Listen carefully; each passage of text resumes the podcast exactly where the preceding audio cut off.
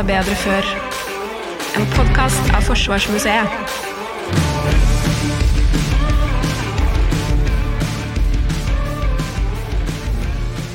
Hei og velkommen til Alt var bedre før. Jeg heter Anders Brenna, og i forrige ukes episode fulgte vi Lise Lindbekk mens hun rapporterte fra Mussolinis Italia, Hitlers vei til makten i Tyskland og utbruddet av den spanske borgerkrigen.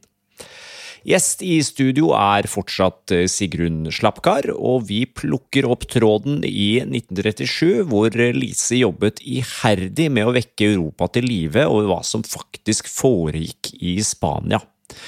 For der møtte hun nå italienske tropper på spansk grunn, og hun skjønte fort at dette bare var starten på noe langt, langt større.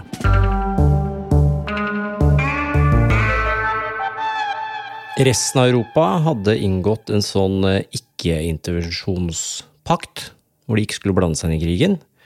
Og det hadde jo Tyskland og Italia skrevet under på også. Men de var jo så til de grader involverte. Og til slutt også var italienske tropper mm. inne der. Da var det ikke bare materiell og fly, det var uh, faktisk tropper inne. Så det gikk jo ikke republikkens vei. Det, Store troppestyrker ja. og um, det, det, er en artikkel eh, Lise har som med overskrifta 'Bare de døde holder stillingen'. Det er jo så makabert, ikke sant? Og da har hun på et tidspunkt eh, kommet over noen italienere, som jo hun kommuniserer greit med, for hun er jo flyttende italiensk. Og de Eh, de stakkars soldatene som har blitt kommandert dit, ante jo ikke at de skulle til Spania. De eh, var helt forvirra. De hadde ingen eh, De syntes det var meningsløst å kjempe mot sine spanske brødre. De trodde at de skulle på tokt til Afrika. Så det, det er jo liksom den type historiefortelling som Lise driver på med da. Og, og, og noen av rakettene rapporterer hun på et annet tidspunkt kommer fra italienske fabrikker, men der har arbeiderne oppdaga hvor rakettene skulle til, og, og droppa altså sprengningslageret, slik at eh, det, det er udetonerte bomber, og så står det med 'hilsen fra italienske arbeidere'. Ja, Hun fikk vel en sånn i huet? En sånn bombe Omtrent i hodet, ja. ja. Så det, dette avdekkes jo utfordringa hennes. Hvordan i all verden få fortalt at her prøves um, italienske styrker ut. Her prøves italienske våpen og bomber ut. Her prøves tyske fly ut. Det er det som foregår. Dette er oppstarten på noe større. Jeg, jeg tror akkurat det var vanskelig å få gjennomslag på, på den tanken. Og Eh, de fleste valgte jo å sitte på gjerdet og håpe at en skulle unngå og Særlig kanskje handla det om Storbritannia og Frankrike, som jo var de siste som ønska en ny krig. Og det var jo bakgrunnen for non-intervensjonsavtalen. Mm. Men ja, det Franco vant uh, utover i 39. Ja, hvordan sto det til med Lise etter uh, hennes to opphold i, ja, altså, i Spania? Altså, du kan si lyset blei sløkt i Spania, for å si det litt metaforisk. Eh, lyset gikk nok delvis for Lise òg. Hun var jo til rehabilitering på Estrom kloster en etappe i, i Danmark. Sammen med dattera si ei stund. Og så får hun høre da om alle stakkars spanske flyktningebarn som har tatt seg over grensa til eh, Frankrike. Eh, og det er jo litt sånn at jeg tenker Husker hun ikke sin egen advarsel? Noe skal komme. Noe større skal komme. Mm. I hvert fall.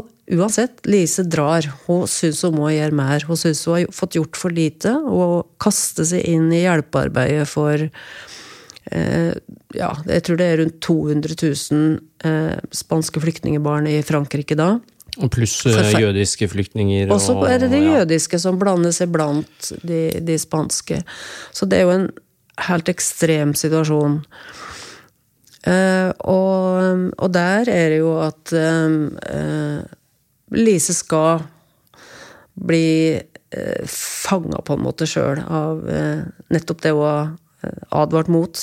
Tyske styrker som eh, går inn i Frankrike, og Lise havner som flyktning sjøl. Ja, for hun er i Frankrike når krigen starter.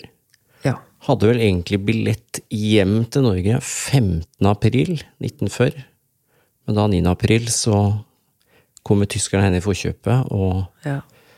da sitter hun der, støkk i, eh, i Paris. Og ikke lenge etterpå så kommer jo tyskerne for, for Paris. Og dattera er da i Oslo.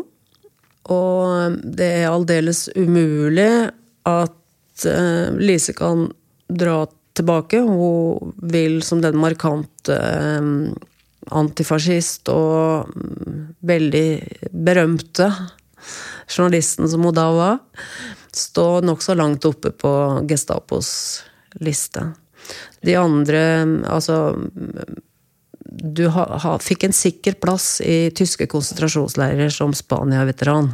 Å ja, de var, tok de hardt. Tok dem hardt, Ja. tok dem kontant, og uh, mange fikk en forferdelig skjebne. Ehm, så, så det der, det, det visste jo Lise. Kom seg hals over hode sammen med franske flyktninger ned mot Marseille. Fikk eh, komme om bord på en båt. Det er jo en hjerteskjærende liten episode der. Før hun, hun stikker fra Paris, så møter hun en annen norsk eh, en, en nordmann med navn Wilhelm Holst, som jeg også har skrevet om. Og han har sendt familien sin til Ådalen. Og tror de er trygge. Og Lise er fortvila, og han trøster jo da Prøver å trøste Lisa med noe, Lise, men helt fortvila og sier eh, Nei, det, dette kommer til å bli veldig ille. Hun har jo vært vitne til tysk bombardement i, i eh, Spania. Men uansett, det er ingenting hun får gjort. Hun må bare flykte. Og så eh, får hun komme seg om bord på den båten i Marseille. Kommer seg etter hvert til Casablanca. Det er mange som har spekulert i om eh, Lise kan være litt modell for den berømte Casablanca-filmen. Men jeg tror kanskje hun er en av flere modeller da, for det var litt det livet der. Å vente på en båt, eh, en mulig båtreise for å komme, komme videre til f.eks. USA.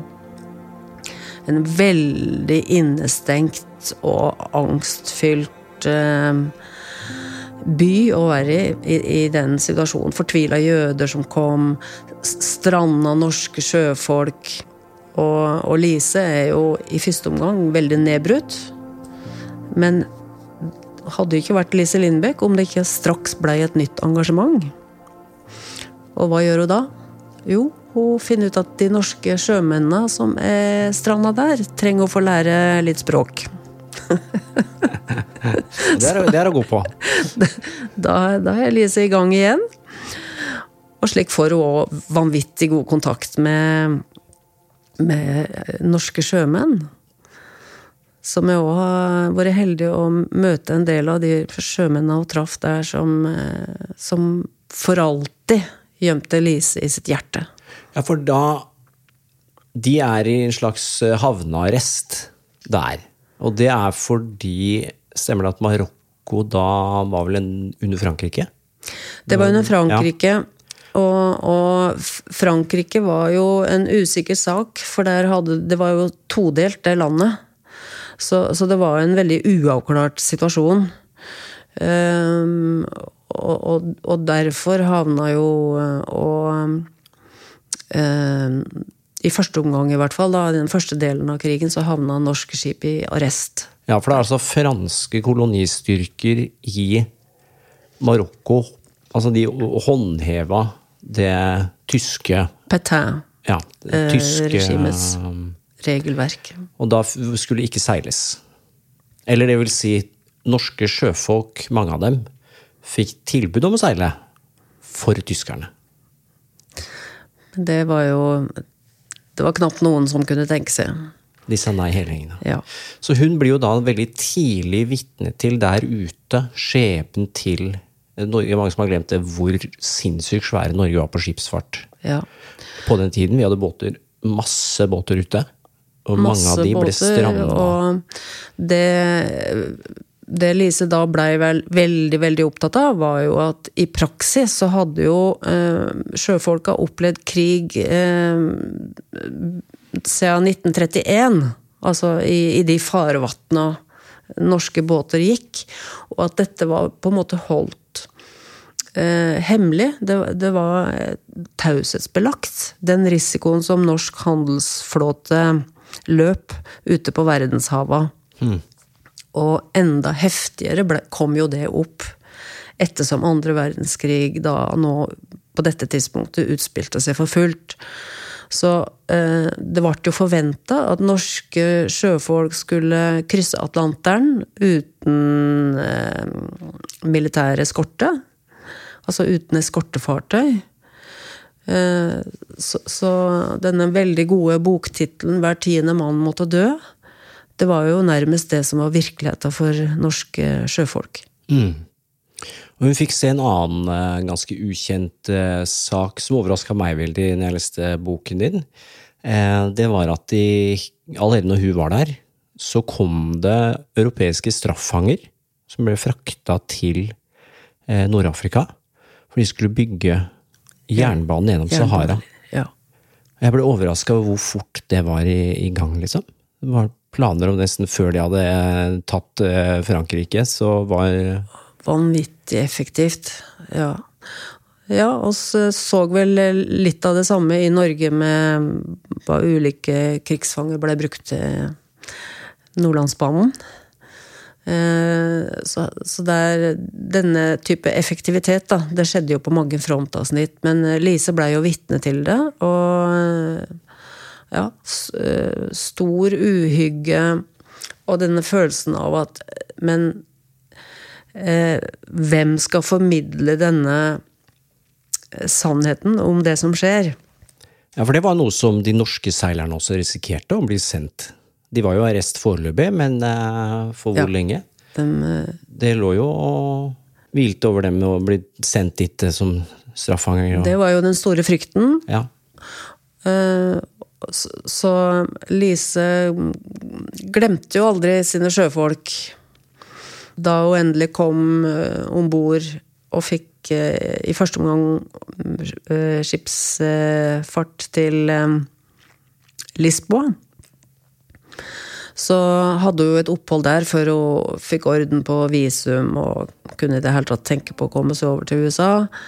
Eh, og da møtte hun igjen denne norske Wilhelm Holst. ja.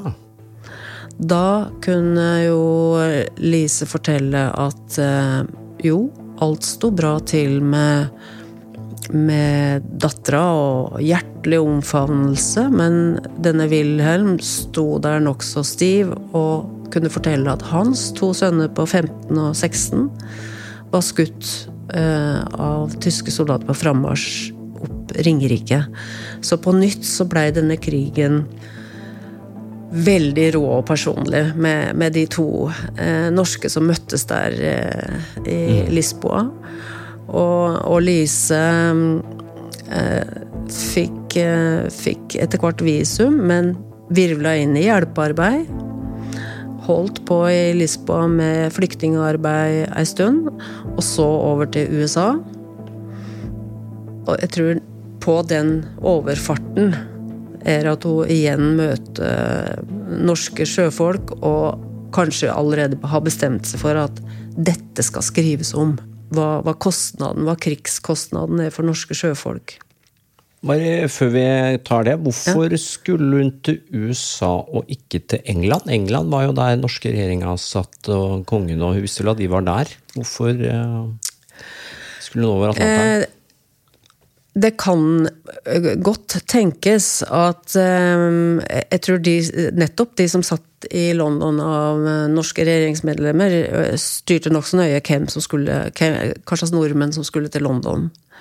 Så jeg vil tro at Lise hadde utforska muligheten, men sikkert fått beskjed om at ikke veldig ønska. Det finnes lite dokumentasjon på det. Men Lise eh, eh, mener sjøl at eh, muligheten til å gjøre nytte for seg i USA da, er større. Og det er jo riktig, for hun blir jo mottatt som en stjernereporter av Nordisk-tidene. Ja, for hun trapper opp i da den avisa som heter Nordisk Tinde. Hva slags blekke var egentlig det? Ja, det, det var jo den største skandinaviske avisa i New York. Og mm, eh, der eh, kjente hun fra før Carl Søyland, som var redaktør. Og, eh, og han eh, må jo ha holdt eh, Lise eh, ganske høyt, fordi hun blei behandla som en virkelig stjernereporter da. Og mm, til tross for at hun var mm, Hun sleit jo med både traume og periodevis drikking. Så fikk hun en veldig trofast venn da i Carl Søyland. Og, og, og, fikk skrive og hadde mange store oppslag i avisa. Og fortsatte da å jobbe med eh, de norske sjøfolka. Ja, for hun med spons fra Nordisk Tine, og også fra eh, hva Nortraship, som var eh, norske Ja, hva var egentlig Nortraship? Det var han, han, Organisasjonen for handelsflåten. Ja, de var med å sponse, hvor hun ga ut en bok som het eh, 1000 norske skip. Eh, 1943 kom den. Var hun en av de første til å fortelle om Jeg tror hun var den første. Og, og det er mange som mener at eh, det er den største bragden som Lise i det hele tatt gjorde. At hun fikk fram eh, krigsseilerne før de hadde blitt hetende krigsseiler. Altså, eh, hun, hun var mm, langt framme med å, å få dette opp. Eh, og dette var en sak som hun eh, brant for, og som hun heller ikke slapp. Så, så kan du si at eh, det skulle gå veldig, veldig mange år før krigsseilerne fikk sin anerkjennelse. Men Lise var de tidlige, altså de, de som var tidlig ute med å framheve krigsseilerne. Det var jo et litt eh, vanskelig bokmarked i 43, kan du si. Den ble vel ikke akkurat tillatt solgt her hjemme under okkupasjonen? Men den gikk eh, veldig bra. Den kom i flere opplag i, i USA. Og Lise dro på foredragsturné. Det var, i, i de, det var et stort norsk-amerikansk miljø i USA. Så det var en boksuksess der borte. Og eh, den ble jo umiddelbart en, en, en suksess etter krigen her i Norge òg. Hun ble veldig populær under krigen i USA. Eh, Leserne elsket eh, hennes ganske ukonvensjonelle stil. Eh, Men med den populariteten så kom det jo også eh, en del eh, baksider, da. For hun levde vel et veldig utsvevende liv der borte i eh, staten, er det lov å si det? Ja, det, det var nok ehm, ehm, I perioder utagerende, eh, tror jeg det er riktig å si. Og, og kanskje vanskelig å forstå for den som har levd et stødig og stabilt liv, men en skal tenke på at alvorlige traumer og lengselen etter dattera eh, det det var liksom for mye eh, å håndtere for eh, Lise i perioder. Og kanskje litt manglende innsikt i at hun trengte å, å ta hensyn til det hun sleit med, da. Mm. Ja, for det er jo klart, i de åra der så var det jo ok, hjemme så hadde krigen vart i tre-fire år. For Lise hadde den konflikten Kanskje kunne du si at den varte i 18 år, da, fra Ja. 25. Jo, Så, Så dette hadde hun fylt livet med. Eh, og mm, det hadde hatt en kostnad. Og i tillegg så tror jeg at når du ser på herligheta, det som var hennes styrke, veldige, det veldige engasjementet, det veldige, den veldige oppdrifta, for å si det på den måten, det kunne òg bli hennes verste fiende. Hun eh, brant seg sjøl opp, ikke sant. Og um, brukte alt hun hadde av krefter på hver bidige sak. Eh, hun var helt avhengig av å stå på scenen og stråle foran publikum. Altså, hun, hun var jo ustoppelig når hun var i eh, virksomhet. Og det er klart at det, det tok henne jo ned i, i noen veldig dype bølgedaler. Ja, fordi når hun ikke var opptatt med å skrive, så var hun enten i full sving med et eller annet arbeid for flyktninger, eller et eller annet, eller så var hun på konstant foredragsturné. Sinnssykt mye foredrag. eh, Alltid. Ja. Mellom, altså mellom to opphold i spanske borgerkrigen, mellom de to oppholdene, 100 foredrag rundt omkring i Europa. ikke sant? Et helt sinnssykt høyt uh, slitasjemoment. da. Slitasje, og så, blir det den blandinga av at hun sikkert uh, fikk et kick av det.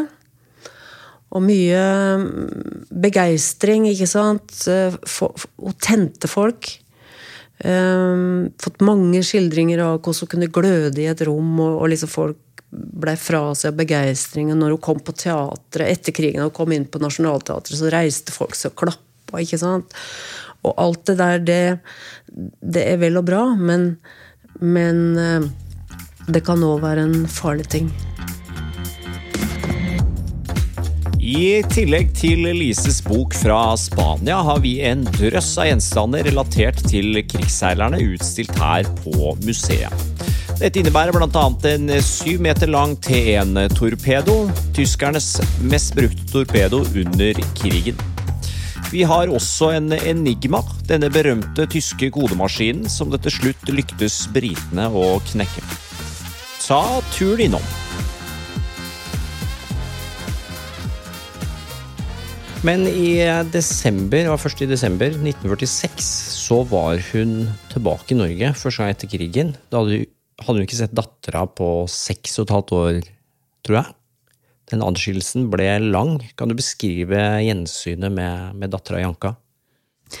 Janka, som hadde gått fra å være den derre tiåringen som tok farvel med sin mor før krigen, var blitt 16 og et halvt. Altså så ut som ei voksen kvinne. Og hadde skrevet det mest rørende brev til mor si, ikke sant. Og, eh, og beundrende på alle mulige måter. Og, så er det da det der hjertelige gjensynet, som sjølsagt blir avfotografert av Dagbladet. Nydelig bilde. De er jo så like, og de smiler mot hverandre, og det er jo eh, bare eh, Det ser ut som det er en, en, en, fra, fra en film, egentlig. ikke sant? Bare idyll. Og så kommer jo hverdagen veldig fort. Det går jo kort tid før Janka forstår at eh, Lise er nokså nedkjørt. At hun stadig vekk eh, trenger noe fra flaska. Eh, Men like fullt så må jo Lise engasjere seg i det mest brennende i Norge. Og hva er det mest viktige av alt? Jo, gjenoppbygginga av Finnmark.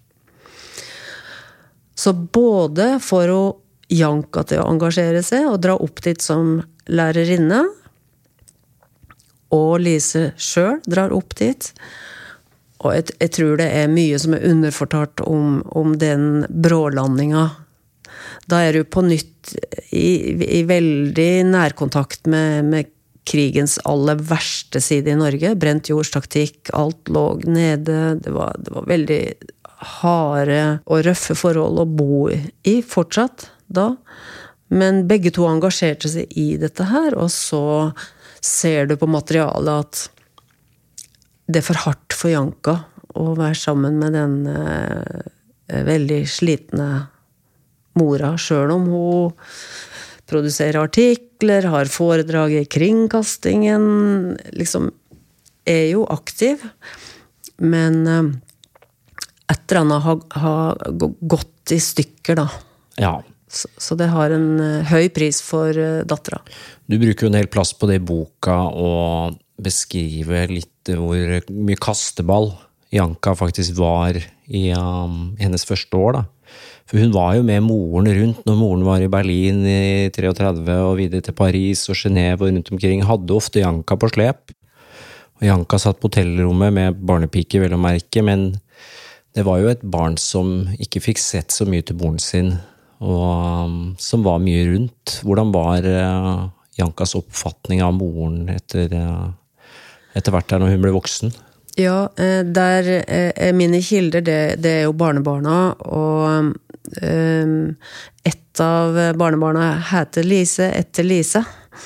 Og hun Barnebarn Lise kunne fortelle at det var veldig vanskelig for Janka i det hele tatt å snakke om Lise. Og forholde seg til mora. Så der lå det, sånn som barnebarn Lise oppfatta det, veldig mye smerte. Og ja, det, det blei jo aldri noe enkelt liv for Janka. Kanskje trøsta hun seg med Det blei Virker som det blei mye av både mat og drikke. Altså blei veldig overvektig, døde tidlig. Mm. Så, så, kostnaden Og du, du, merker fortsatt når du snakker med slektninger i Danmark Hun har jo flere barnebarn etter seg, og nå et lite oldebarn som heter og Lise. Um, så merker du fortsatt at denne blandinga av veldig um, beundring for dette helt ekstraordinære mennesket, også en, en smerte som sitter veldig djupt. Og det jeg tenker det, det har de jo til felles for veldig mange krigsoffer. Ja. Og så er det jo siste del av boka di er ganske trist eh, lesning. For det er eh, en historie om en dame som går litt til grunne, og som brenner eh, veldig mange broer. Og skårer mange spektakulære selvmål. Hva var det hun slet så mye med, Lise? Ja, altså hun, hun, hadde en dårlig forståelse av eh, sin egen rolle. Altså hun tok aldri høyde for at det kanskje kunne være eh, noe eh, problematisk med å være kvinne i en så utradisjonell rolle. Eh, hun hadde ingen eh, tendens til å gjøre ting lett for seg. Eh, det å være litt taktisk i enkelte sammenhenger, det var helt fjernt for Lise. Og da Da tror jeg nettopp som jeg sa, at det som var hennes styrke, det at hun gikk all in, det, det ble da hennes eh, ja, farligste fiende. For det var mange skandaler, men også mye personlig konflikt. Ja, var eh, kanskje ikke den beste diplomaten sånn opp mot eh, arbeidsgivere og samarbeidspartnere og sånn alltid? Nei, men en, eh, du får litt sympati for henne òg, fordi på et tidspunkt da kommer hun tilbake og så skal prøve å få seg en journalistjobb det etter krigen, og så, og så blir hun tilbudt å lage noe slags sosietetsstoff eller noe sånn ja, damebladsjournalistikk. Og, og, og det er jo sjølsagt aldeles uaktuelt.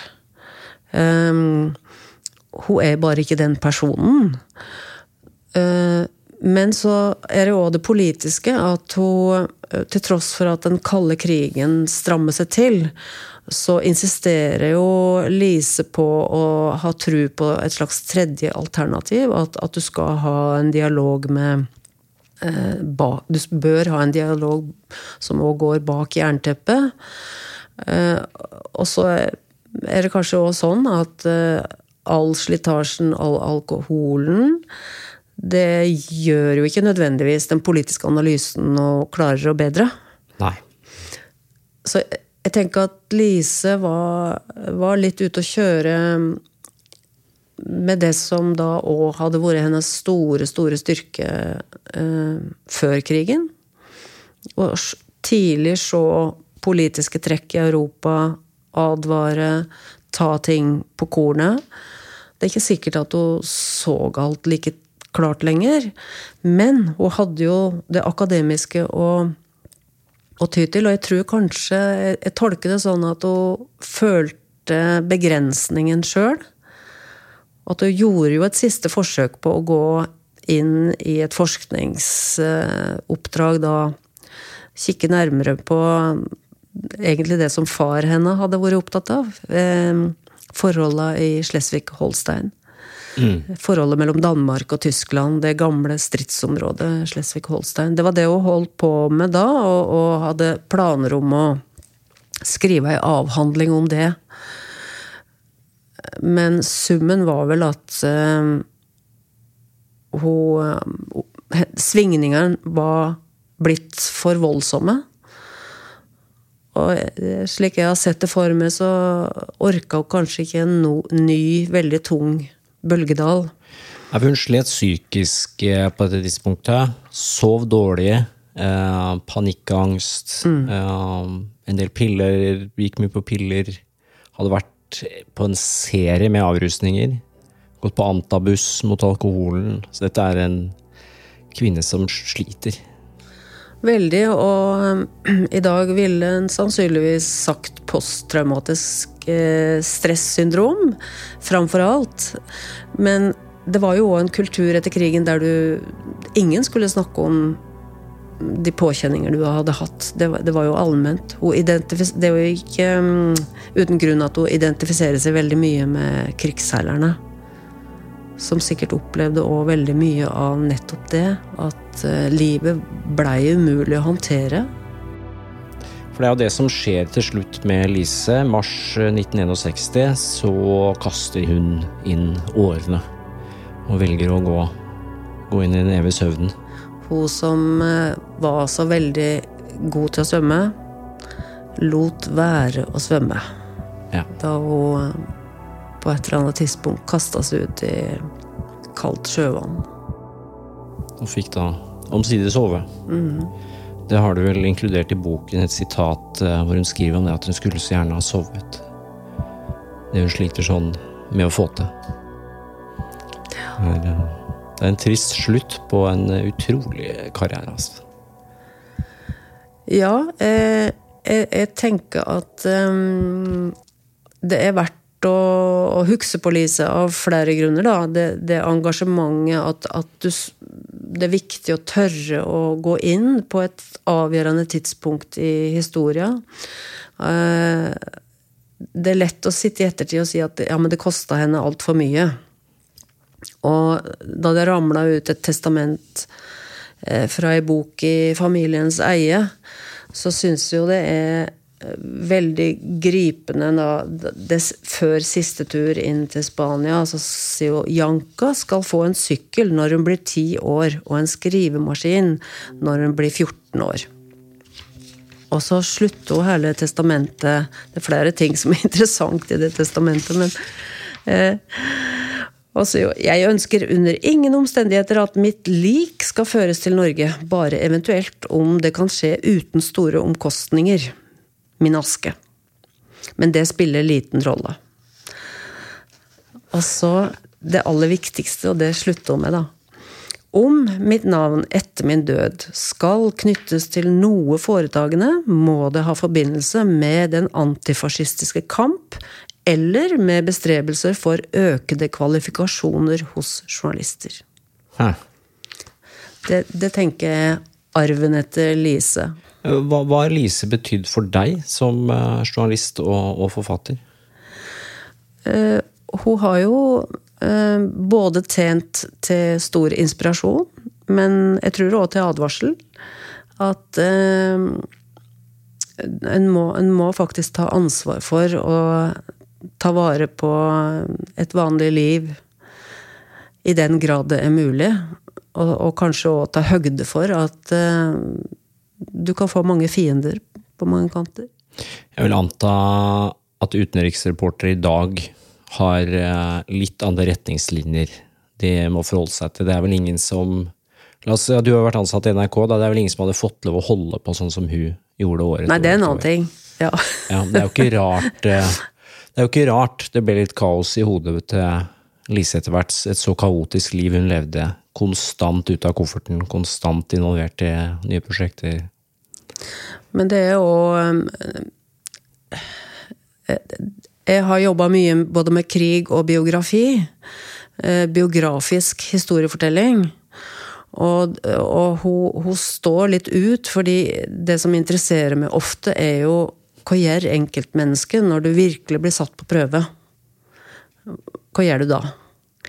Og, og slik sett så tror jeg at hun snakket til oss fortsatt, da. Hvis du kunne satt deg i en eh, tidsmaskin og vært eh, flue på veggen i fem minutter av Lises eh, liv, og vært der, hva ville du valgt å vært vitne til? Nei, jeg, jeg, tror jeg ville ha likt å, å sett henne der hun står og overtaler eh, eksempel han eh, sikkert ganske betutta fyren som sto ved tanken sin der ved Teruel, og, og hun overstyrer fullstendig og bare kommer seg inn i den tanken og drar med seg Nordahl Grieg. Der skulle jeg gjerne eh, det skulle jeg gjerne vært vitne til. Eller så syns jeg jo alltid, når jeg leser henne, så syns jeg nesten jeg hører skrivemaskina knatre. Jeg tror hun var Hun skrev liksom hun, hun, hun, var veldig spesiell på, på, den måten. Altså, temperamentet hennes vises i, i teksten. Og så det derre unike med, med å, å, få umiddelbar kontakt med alle slags folk. Det framhever veldig mange som har opplevd henne. Så det er jo ja, hun var nok et veldig spesielt menneske. Det, det virker sånn. Sigrun Slapgard, takk for at du ville dele historien om eh, Liselin Bech med oss.